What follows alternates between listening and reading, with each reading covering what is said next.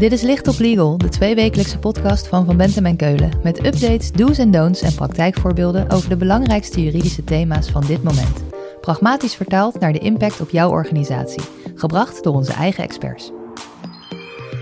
Grensoverschrijdend gedrag werkt op tal van plaatsen in commerciële contracten door. Ik heb er een aantal genoemd: exoneratie, beëindiging, vrijwaring, eh, code of conduct. Sinds de misstanden bij het televisieprogramma The Voice of Holland, voetbalclub Ajax en politieke partij Volt willen organisaties zich steeds meer wapenen tegen seksueel en andere vormen van grensoverschrijdend gedrag. Maar wat betekent dit voor de bestaande verhoudingen tussen bedrijven die samenwerken? Of als je voor het eerst in zee gaat met een andere organisatie? Kortom, waar moet je op letten als het gaat over grensoverschrijdend gedrag bij bestaande en nieuwe overeenkomsten? Daarover praten we deze keer in Licht op Legal met Marcel Ruigvoort. Hij stelt zich even voor. Mijn naam is Marcel Ruigvoorn. Ik eh, geef leiding aan de praktijkgroep Commercial Contracting en Dispute Resolution. En ik houd mij bezig met, eh, nou ja, de naam zegt het al, het procederen en adviseren op het gebied van het commerciële contractrecht. En Marcel is daarnaast hoogleraar aan de Universiteit Utrecht, waar hij zich richt op nationaal en internationaal commercieel contracteren. Hij kan je dus als geen ander bijpraten over dit onderwerp. Marcel, veel bedrijven zijn vanuit HR bezig met de aanpak van grensoverschrijdend gedrag. Ze beginnen aan cultuurprogramma's, nemen de meldingsprocedures onder de loep en stellen externe vertrouwenspersonen aan. Maar wat speelt er nou in het contractrecht?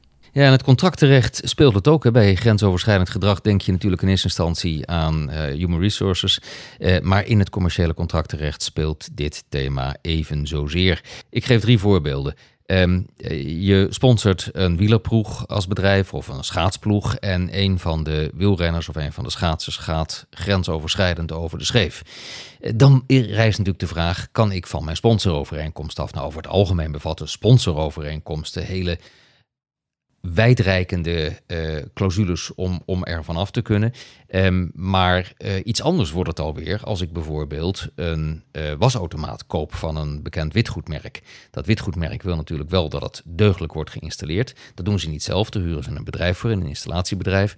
Dat installatiebedrijf heeft medewerkers. Stel dat een van die medewerkers bij de installatieprocedure grensoverschrijdend over de schreef gaat. Ja, dan wend ik mij natuurlijk in eerste instantie tot de witgoedleverancier en dan rijst de vraag, uh, wat doet die witgoedleverancier met het contract met het installatiebedrijf?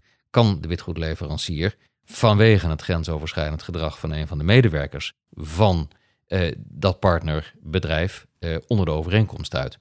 Uh, en, en, het in de overnamepraktijk. we zullen uh, naar verwachting, maar daar gaan we het zo meteen nog wel even over hebben. Naar verwachting uh, zullen we zien dat in het due diligence proces bij overnameovereenkomsten veel en veel meer aandacht aan dit thema gegeven gaat worden. En op het moment waarop een over een overnemende partij er na verloop van tijd achterkomt dat er bij de targetvennootschap die die heeft overgenomen een cultuur heerst of heerste, waarbij grensoverschrijdend gedrag aan de orde van de dag was, eh, dan rijst natuurlijk de vraag of zo'n overnameovereenkomst niet wellicht vernietigbaar is wegens dwaling. Of eh, eh, de vraag of je het onder een van de garanties kunt schuiven, of dat, het misschien, dat er misschien sprake is van nonconformiteit in de zin van artikel 717, wat aanleiding kan geven tot schadevergoeding. Het speelt dus bij bestaande contracten en bij nieuwe contracten. Laten we bij die eerste beginnen. Waar moeten we op letten? Nou, bij bestaande contracten zijn er eigenlijk twee kernbegrippen of twee kernartikelen. Artikel 76 van boek 6 en artikel 74 van boek 6. Artikel 76 van boek 6 eh, vestigt een risicoaansprakelijkheid voor een bedrijf dat gebruik maakt van hulppersonen, waarbij die hulppersonen over de schreef gaan. Dus als die hulppersoon een fout maakt, en bij het begrip fout moet je dan denken aan een onrechtmatige daad. Op het moment dat een hulppersoon een fout maakt, dan is de, uh, het bedrijf dat gebruik maakt van die hulppersoon uh, is risicoaansprakelijk voor de gevolgen daarvan. Hier zie je schuivende panelen, uh, iets dat vijf of tien jaar geleden nog niet onrechtmatig was, in, in de zin van 662. En dan hebben we het dus over een handelen in strijd met de zorgvuldigheid die in het maatschappelijk verkeer betaamt. Dat is het Waarschijnlijk nu wel. En daarmee kwalificeert het als een fout van een hulppersoon. En dat leidt dan automatisch tot risicoaansprakelijkheid aan de zijde van de partij die zich bedient van die hulppersoon. Of dat nou een ondergeschikte of een niet ondergeschikte is. Dus dat betekent uh, uh, natuurlijk ook iets in de verhouding tussen, in mijn tweede voorbeeld, het witgoedbedrijf en de installateur. Daarnaast hebben we het begrip tekortkoming, hè, artikel 674. En, en dat is wel een interessante ontwikkeling die je op dit moment ziet in het, in het commerciële contractrecht. We kennen natuurlijk bij heel veel contracten al de verplichting om je te committeren aan de Code of Conduct. De Code of Conduct die kennen we natuurlijk al een tijdje. Eh, dat is begonnen in de periode dat we allerlei anti-witwas-wetgeving kregen. Uh, en dat heeft geleid tot het opstellen van Codes of Conduct. En nou gaat het bij die Codes of Conduct meestal om nou, uh, voor de hand liggende gedragingen die je achterwege moet laten, zoals het geven van steekpenningen. Ik noem maar een dwarsstraat. Um, het punt dat ik wil maken is dat in heel veel commerciële contracten een bepaling is opgenomen waarbij de rechtsgevolgen van een handelen in strijd met die code of conduct uh, vrij verstrekkend zijn geregeld. En meestal geeft je dat ook als wederpartij het recht om de overeenkomst door opzegging of ontbinding te beëindigen. Dat is dus een vrij verstrekkend rechtsgevolg van het niet naleven van de code of conduct. Nou, wat je nu ziet is dat heel veel partijen uh, diezelfde code of conduct gebruiken om, hem, om grensoverschrijdend gedrag in mee te nemen. Dus die code of conduct die wordt aangepast, die wordt aangevuld met grensoverschrijdend gedrag. Um, maar daarmee uh, betekent het wel dat als je dan niet meteen ook uh, die bepaling in het contract aanpast, dat grensoverschrijdend gedrag dus betekent dat je je niet houdt aan de code of conduct en dat het niet houden van de code of conduct weer die net genoemde rechtsgevolgen met zich brengt. Duidelijk. Het komt dus uit de tijd dat anti-omkopingsbepalingen in codes of conduct kwamen. Omkoping is vrij concreet, maar je zei net al dat de definitie van grensoverschrijdend gedrag heel erg in beweging is. Dat lijkt me dan best lastig te vangen dat is inderdaad een van de problemen die speelt. En, en, en uh, zeker op het moment dat je een, een vage algemene formulering aan een code of conduct toevoegt. Uh, en, en je houdt wel vast aan de bepaling in het contract. Uh, die vanuit het verleden al bepaalde dat een handelen in strijd met de code of conduct per definitie het recht geeft om de overeenkomst door ontbinding of opzegging te beëindigen, dan, ja, dan is dat wel iets om, om rekening mee te houden. We hebben het nu gehad over aansprakelijkheid. Dan praten we al snel over schadevergoeding. Maar zijn er nog andere gevolgen waar we rekening mee moeten houden? Zeker. Ik, ik, nou ja, eigenlijk noemde ik er al één, eh, namelijk het recht om de overeenkomst te beëindigen. En, en dat eh, wordt. Het risico is dat dat gekoppeld wordt aan, aan die code of conduct waar ik net al aan refereerde. Eh, iets anders is dat artikel 265 van boek 6 uh, het recht op ontbinding regelt. Uh, en, en dat doet zonder dat sprake hoeft te zijn van toerekenbaarheid. Hè? Want artikel 265 die zegt iedere tekortkoming, mits voldoende ernstig, geeft het recht op ontbinding. Um, dus op het moment uh, dat er sprake is van grensoverschrijdend gedrag van een medewerker van, ik neem het tweede voorbeeld maar weer even, van die installateur, dan rijst de vraag of dat ook een tekortkoming onder de overeenkomst oplevert. Nou ja, dan moet je natuurlijk in eerste instantie kijken naar de tekst van de overeenkomst, hoe dat is geformuleerd. Uh, is het een handelen dat ook in strijd is met de Code of Conduct? Ja, dan is er sprake van een tekortkoming. En dat geeft dus in beginsel het recht op ontbinding, want dat is wat artikel 265 zegt. Uh, de enige vraag die dan natuurlijk nog wel rijst is, wat doe je met die tenzij-formule van 265? Hè? Want die tenzij-formule zegt dat je alleen recht hebt op ontbinding op het moment dat de tekortkoming uh, voldoende ernstig is om de ontbinding te kunnen rechtvaardigen. En ook daar is natuurlijk, leven we in een hele interessante tijd met schuivende panelen. Want wat misschien vijf of tien jaar geleden uh, nog niet werd gekwalificeerd als een voldoende ernstige tekortkoming om de, om de ontbinding te kunnen rechtvaardigen, uh, zou dat nu wel eens kunnen zijn. En zijn er nog andere dingen waar we op moeten letten bij de bestaande contracten? We hadden het net over ontbinding, hè, dus een, een, vorm van beëindiging van het contract. Maar we moeten natuurlijk ook kijken naar de beëindigingsbepalingen eh, door opzegging of door ontbinding in het contract zelf.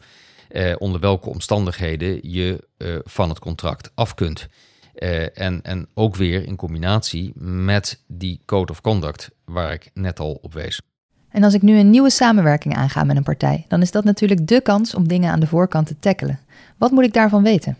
Ja, dat hangt er een beetje vanaf welke kant je staat. Hè. Als, als het voor jou heel erg belangrijk is dat jouw contractspartner althans de medewerkers van jouw contractspartner, dat, dat die zich houden aan jouw waarden en normen, ja, dan is het verstandig om je code of conduct aan te passen uh, en, en, aan het en aan het overtreden van de code of conduct ook concrete rechtsgevolgen te verbinden in je overeenkomst. Als je aan de andere kant staat, is het van belang dat je erop let uh, hoe jouw wederpartij omgaat met zijn code of conduct en de rechtsgevolgen die daaraan in het contract worden verbonden. Uh, maar je kunt natuurlijk ook denken aan het opnemen van exoneratieclausules, waarbij dan de vraag rijst of en in hoeverre grensoverschrijdend gedrag, de gevolgen daarvan eh, door een exoneratie überhaupt te limiteren zijn. Want we hebben 248 lid 2 van boek 6, het artikel dat zegt dat als iets naar een beroep op een exoneratie kan naar maatstaven van redelijkheid en billijkheid onaanvaardbaar zijn. Maar uh, je, je kunt denken aan exoneraties, je kunt denken aan het uitsluiten of het limiteren van het recht op ontbinding, want dat staat ter vrije bepaling van partijen. Um, en zo zijn er wel meer uh, zaken waar je, uh, waar je goed op moet letten. Denk aan, aan boetebedingen die bijvoorbeeld in een contract kunnen voorkomen uh, en die gelinkt zijn aan het overtreden van een code of conduct. Kortom, er zijn heel veel knoppen waar je aan kan draaien om voor specifieke gevallen specifieke uitkomsten te krijgen. Ja, eigenlijk de, de punten die ik net aankaartte, dus zowel de aansprakelijkheid, lees het recht op schadevergoeding, eh, als beëindiging van overeenkomsten, dat is allemaal regelend recht. Dus partijen kunnen daarvan afwijken. En, en nogmaals, een beetje afhankelijk van aan welke kant je zit, als het voor jou heel belangrijk is om dat strak te regelen, er zeker van te zijn eh, dat grensoverschrijdend gedrag, dat daar een behoorlijke sanctie op staat, dan biedt het contractenrecht daar alle mogelijkheden voor. Kijk, voor die, die witgoedleverancier waar ik net aan refereerde, eh, als, als ik daar een, een oven of een wasmachine koop eh, die geïnstalleerd wordt bij mij, dan heb ik als consument niet direct door dat die witgoedleverancier daar een derde voor inhuurt. En dat betekent ook dat op het moment dat daar iets niet goed gaat, ik mij natuurlijk in eerste instantie wend tot de witgoedleverancier. Uh, en dat kan verregaande uh, consequenties hebben uh, vanuit marketingtechnisch oogpunt. Dus die witgoedleverancier die zal erop gebrand zijn dat hij ervoor zorgt dat er geen sprake zal zijn van grensoverschrijdend gedrag van medewerkers van de installateur die hij inhuurt. want dat heeft direct effect op zijn reputatie in de markt. En omgedraaid, de, de installateur, die zal er veel aangelegen zijn uh, om te voorkomen, omdat zijn aansprakelijkheid uh, te beperken uh, en de mogelijkheden voor de witgoedleverancier om het contract te beëindigen te limiteren, in geval er sprake is van grensoverschrijdend gedrag van zijn medewerkers. En het contractenrecht biedt beide partijen daar alle kansen voor, maar je moet er wel bedacht op zijn. Nu ziet dit natuurlijk op samenwerkingen tussen bedrijven. Je noemde aan het begin al even de overnamepraktijk. Als bedrijf wil je natuurlijk niet een club kopen waar een onveilige cultuur bestaat. Om nog maar niet te beginnen over de mogelijke civiele en strafrechtelijke procedures die volgen als sprake is van grensoverschrijdend gedrag. Wat betekent deze ontwikkeling voor die overnamepraktijk? Ja, ik denk dat we ook daar weer een onderscheid moeten maken tussen bestaande, bestaande overnames en nieuwe overnames. Voor de bestaande overnames eh, rijst eh, de vraag als een overnemende partij geconfronteerd wordt met een targetvennootschap waarin achteraf bezien een hele onveilige cultuur heerst, eh, daar rijst de vraag natuurlijk, ja, had de verkopende partij eh, mij dat niet moeten melden? Eh, want ik, ik heb daar last van. En nou ja, dan kunnen er allerlei vragen reizen, variërend van kan ik een beroep op dwaling doen? Hè? Heeft de verkopende partij gezwegen waar spreken plicht was? Dus kan ik van de overeenkomst af met een beroep op dwaling? Of kan ik met een beroep op dwaling eh, misschien een deel van de koopprijs verminderen. Want dat is een consequentie van dwaling die in de praktijk niet zoveel wordt toegepast. Eh, want dwaling leidt in beginsel eh, tot vernietigbaarheid van de tot vernietiging van de overeenkomst. Maar eh, dwaling kan ook, eh, via, de, via de figuur van dwaling kun je ook kijken of je misschien niet een deel van de koopprijs eh, terug kunt krijgen. Of er is sprake van wanprestatie. Als je het niet via de dwalingvariant wilt spelen, dan zou je ook kunnen beargumenteren eh, dat er sprake is van nonconformiteit bij de koop eh, via de weg van 717 als dat artikel in de koopovereenkomst niet buiten toepassing is gelaten. En dan zou je kunnen zeggen dat er sprake is van wanprestatie, eh, wat recht geeft op, op schadevergoeding. Dat is een, een alternatieve optie. En hoe denk je dat het gaat bij nieuwe overnames? Uh, met betrekking tot nieuwe overnamecontracten ben ik er eigenlijk wel van overtuigd dat je zult zien dat het hele due diligence traject opnieuw op de schop gaat. Of in ieder geval aangevuld gaat worden met vragen over wat is de cultuur binnen jouw onderneming? Uh, hoe, hoe, zit het? Hè? Zijn er gevallen bekend van grensoverschrijdend gedrag? En waarschijnlijk zal het ook leiden tot concrete nieuwe geformuleerde garanties in overnameovereenkomsten. En als ik nou luister en ik zit in het management van een onderneming of ik ben bedrijfsjurist, wat moet ik dan echt onthouden? Allereerst even het management. Ja, voor het, voor het management is misschien goed om in gedachten te houden dat grensoverschrijdend gedrag niet alleen maar HR is, eh, maar dat dat net zo goed en wellicht nog met een veel grotere impact speelt in de commerciële contractenpraktijk. En voor bedrijfsjuristen zou ik zeggen, grensoverschrijdend gedrag werkt op tal van plaatsen in commerciële contracten door. Ik heb er een aantal genoemd: exoneratie, beëindiging, vrijwaring, uh, code of conduct. Um, maar let vooral op die laatste. Hè. De, het, het, want die sluipt er echt heel makkelijk in. Partijen vullen hun code of conduct aan, eh, maar houden wel de rechtsgevolgen in het contract uh, die verbonden zijn aan het niet naleven van de Code of Conduct. Marcel, dankjewel. Als we meer willen weten, waar kunnen we dan terecht? Voor vragen ben ik uiteraard via e-mail bereikbaar marcelruigvoorn.vbk.nl of telefonisch en het telefoonnummer staat op de website www.vbk.nl. Dit was Licht op Legal, een podcast van Van Bentem en Keulen. Te beluisteren via Spotify, Apple Podcasts of je eigen favoriete podcast-app. Wil je meer weten? Heb je suggesties voor een onderwerp? Of wil je dat onze experts hun licht laten schijnen op jouw juridisch vraagstuk? Laat het ons weten via vbk.nl/slash lichtoplegal.